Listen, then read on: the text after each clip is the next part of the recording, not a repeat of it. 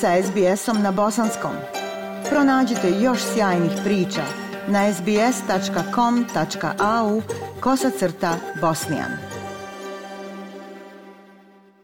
Aisha, pozdrav tebi i slušateljima SBS radija. Evo u narednih nekoliko minuta prenjeću neke od najznačajnijih aktuelnosti koji su obilježile proteklu sedmicu. 6. septembra u Sarajevu je održan sastanak trojke SNSD-a i HDZ-a BiH, dakle te koalicije na državnom nivou. Nakon ovog sastanka novinarima su se obratili samo predsjednici takozvane trojke. Najprije se obratio lider SDP-a Nermin Nikšić koji je podsjetio da je njihov posljednji sastanak, dakle prije ovog Sarajevskog, rezultirao usvajanjem pet evropskih zakona, a da je ostalo još zakon o sudovima o kojem su tek razgovarali. Evo poslušajte Nermina Nikšića. Ostao je još zakon o sudovima BiH o kojem smo i danas razgovarali. O tome će sutra da nastavi raspravu vijeća ministara. Imali smo na stolu nekoliko stvari koje su pred nama i koje ćemo u narodnom periodu siguran sam riješiti i što jesu uslov ka ispunjavanju uslova Bosne i Hercegovine na putu prema Europskoj uniji. E, novinarima se nakon Nermina Nikšića obratio i Edin Forto iz naše stranke. Imaju tri bloka stvari o kojima razgovaramo. Jedan je ovaj evropski paket koji je po nama prioritet. Drugi blok je svi oni zakoni e, koji su potrebni da se donesu, koje su svim našim resorima oko kojih ne bi trebalo biti ništa sporno. Danas su pomenuti neki od tih zakona, zakon o kibernetičkoj sigurnosti, zakon o elektronskom potpisu, zakon o vanjskim poslovima, zakon o kontroli granice, znači razni zakoni koji nisu nabrojani kao top prioriteti, oni 14 prioriteta, ali koji koji jesu na neki način približavanje naše usklađivanje pravne stečevne sa Evropskom unijom. Treći blok su projekti, novac, istočna interkonekcija, sve ono što treba da se dešava u stvarnom životu, što sa svih strana postoji određeni zahtjev. Na sva ova tri bloka mi ćemo se kretati u narednom periodu i nadam se da već za 15 dana, kad bude sljedeći sastanak, sljedeći domaćini su iz e, HDZ-a i onda nadam se da ćemo tada imati paket sa kojim idemo naprijed i koji možemo objaviti. Predsjednik e, Naroda i pravde, Elmedin Konaković, e, kazao je da su održali tvrđi sastanaka, istakao je da je zakon o sudovima teška tema. E, ovaj danas je bio tvrđi sastanak kod nekih uobičajenih, danas smo napravili male pomake po nekim temama, uglavnom se danas nismo slagali oko nekih predloženih rješenja. Zakon o sudovima je jedna teška tema. Na njoj lomimo koplja, pitanja nadležnosti sudova, pitanja sjedišta sudova, pitanja vjerskih prava unutar tih zakona, dakle nešto je oko čega zaista zaista vodimo ozbiljnu polemiku i pokušavamo naći kompromis u kom niko ne bi na neki način bio oštećen. Zakon o sukobu interesa također je stvar i materija koja se kreće. Uvažen je veliki dio nekih sugestija jer tom zakonu bilo je zaista velikih problema i različitih definicija. Otvorili smo neke nove naravno priče i pogotovo i ovaj dio projektni o kom sam ja više puta govorio, nismo samo istočno nego i južno interkonekciji nekim novim izvorima koji bi trebali Bosnu i Hercegovinu učiniti što manje ovisno o bilo kome energente u Bosni i Hercegovini ponuditi svim građanima na cijeloj teritoriji. 7. septembra vijeće ministara Bosne i Hercegovine na svojoj sjednici, iako je to bilo predviđeno predloženim dnevnim redom, nije razmatralo nacrt zakona o sudovima Bosne i Hercegovine. Nekako, a iše je to bilo i očekivano nakon ovog sastanka trojke sa e, liderima SNSD-a i HDZ-a BiH. Novinarima se nakon ove sjednice vijeća ministara Bosne i Hercegovine obratio najprije Medim Konaković, a zatim optimistaša Košarac. Ministar vanjskih poslova Bosne i Hercegovine Almedin Konaković je izjavio da usaglašavanja oko nacrta zakona o sudovima Bosne i Hercegovine još traju, te da postoje dileme u vezi sa nadležnostima. Evo poslušajte najprije Elmedina Konakovića.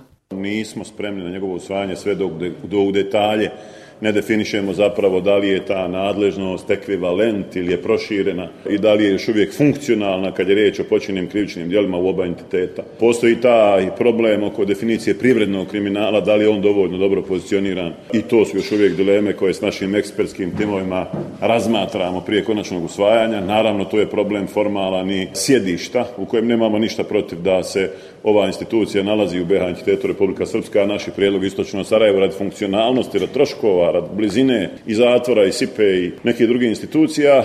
Osim Elmedina Konakovića, novinarima se obratio i Staša Košarac, ministar vanjske trgovine i ekonomskih odnosa Bosne i Hercegovine, koji je zapravo obrazložio zašto su ministri iz Republike Srpske bili protiv razmatranja nacrta zakona o sudovima Bosne i Hercegovine i evo poslušajte Stašu Košarca u obrazloženju ove odluke ministara iz reda Srba. Ne možemo razmatrati i da je usaglašen, a vi dobro znate da nije zakon o sudu, nije u jednom drugom aktu ako pri to nemamo pripremljen zakon u Ustavnom sudu BiH. Za nas je prioritet zakon u Ustavnom sudu BiH, zato nas obavezuju stav institucija Republike Srpske. Potpuno smo privrženi implementaciji zaključaka Narodne skupštine i u tom kontekstu ne vidimo apsolutno nikakvu potrebu da parcijalno iz aspekta pravosuđa i potreba donošenja određenih zakona koji prezilaze iz 14 prioriteta. Prvo raspravljamo o zakonu o sudu, a da pri tome radna grupa još uvijek nije dostavila predlog zakona o Ustavnom sudu BiH.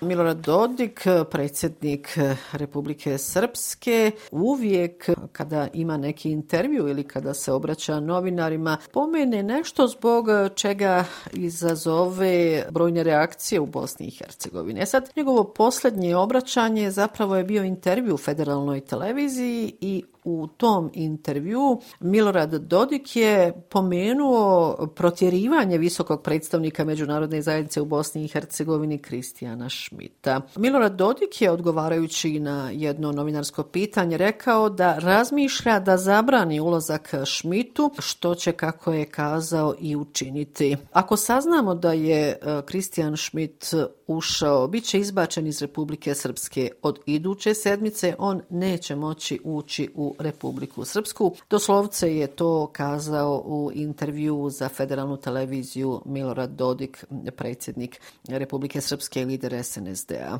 Naravno, ovakva izjava Milorada Dodika je izazvala brojne reakcije. Oglasila se i Američka ambasada u Bosni i Hercegovini, ali ono što je bitno da se oglasio i OHR u kratkom saopćenju. Kristijan Schmidt između ostalog kaže Dodikovo ponašanje je šamar Evropskoj uniji koja pokušava unaprijediti vladavinu prava u Bosni i Hercegovini. Dodik se vara ako smatra da za njega postoje posebna prava ili posebni propisi. Dakle, gospodin gospodin Dodik bi se trebao pripremiti za neke prilično neugodne trenutke, napisao je visoki predstavnik Međunarodne zajednice u Bosni i Hercegovini Kristijan Schmidt. Održani su i protesti i to protesti poljoprivrednika u Orašju. Oni su 8. septembra držali u blokadi granični prelaz prema Hrvatskoj. Ovaj protest je organizovan zbog neisplaćivanja obećane pomoći za pšenicu, zatim kašnjenja dospjelih poticaja te drugih problema u ovom sektoru toga dana, znači 8. septembra, je upravo u Orašje doputovao federalni ministar Kemal Hrnjić, koji je tokom sastanka sa poljoprivrednicima istakao kako su poticaji definisani programom novčanih podrške u poljoprivredi i ruralnom razvoju za ovu godinu, te da je on usvojen prije imenovanja aktualnog saziva federalne vlade. Ministar Kemal Hrnjić je napomenuo da su u okviru javne rasprave sve zainteresovane strane imale mogućnost dostavljanja prijedloga u vezi definisanja iznosa novčanih podrški za određene proizvode. Na sastanku ovom, dakle sa poljoprivrednicima, je dogovoreno da se ipak obezbijedi određeni iznos sredstava kao podrška proizvođačima pšenice kojima su uslijed vremenskih neprilika stradali usjevi i kojima je smanjen prinos. Dogovoreno je i da će federalno ministarstvo u okviru preraspodjele sredstava koja neće uticati na izdvajanja za druge proizvodnje pomoći poljoprivredne proizvođače pšenice te da će federalna vlada kroz ispunjenje zakonskih rokova i uvjeta ispuniti svoju obavezu. Ovaj granični e, prelaz e,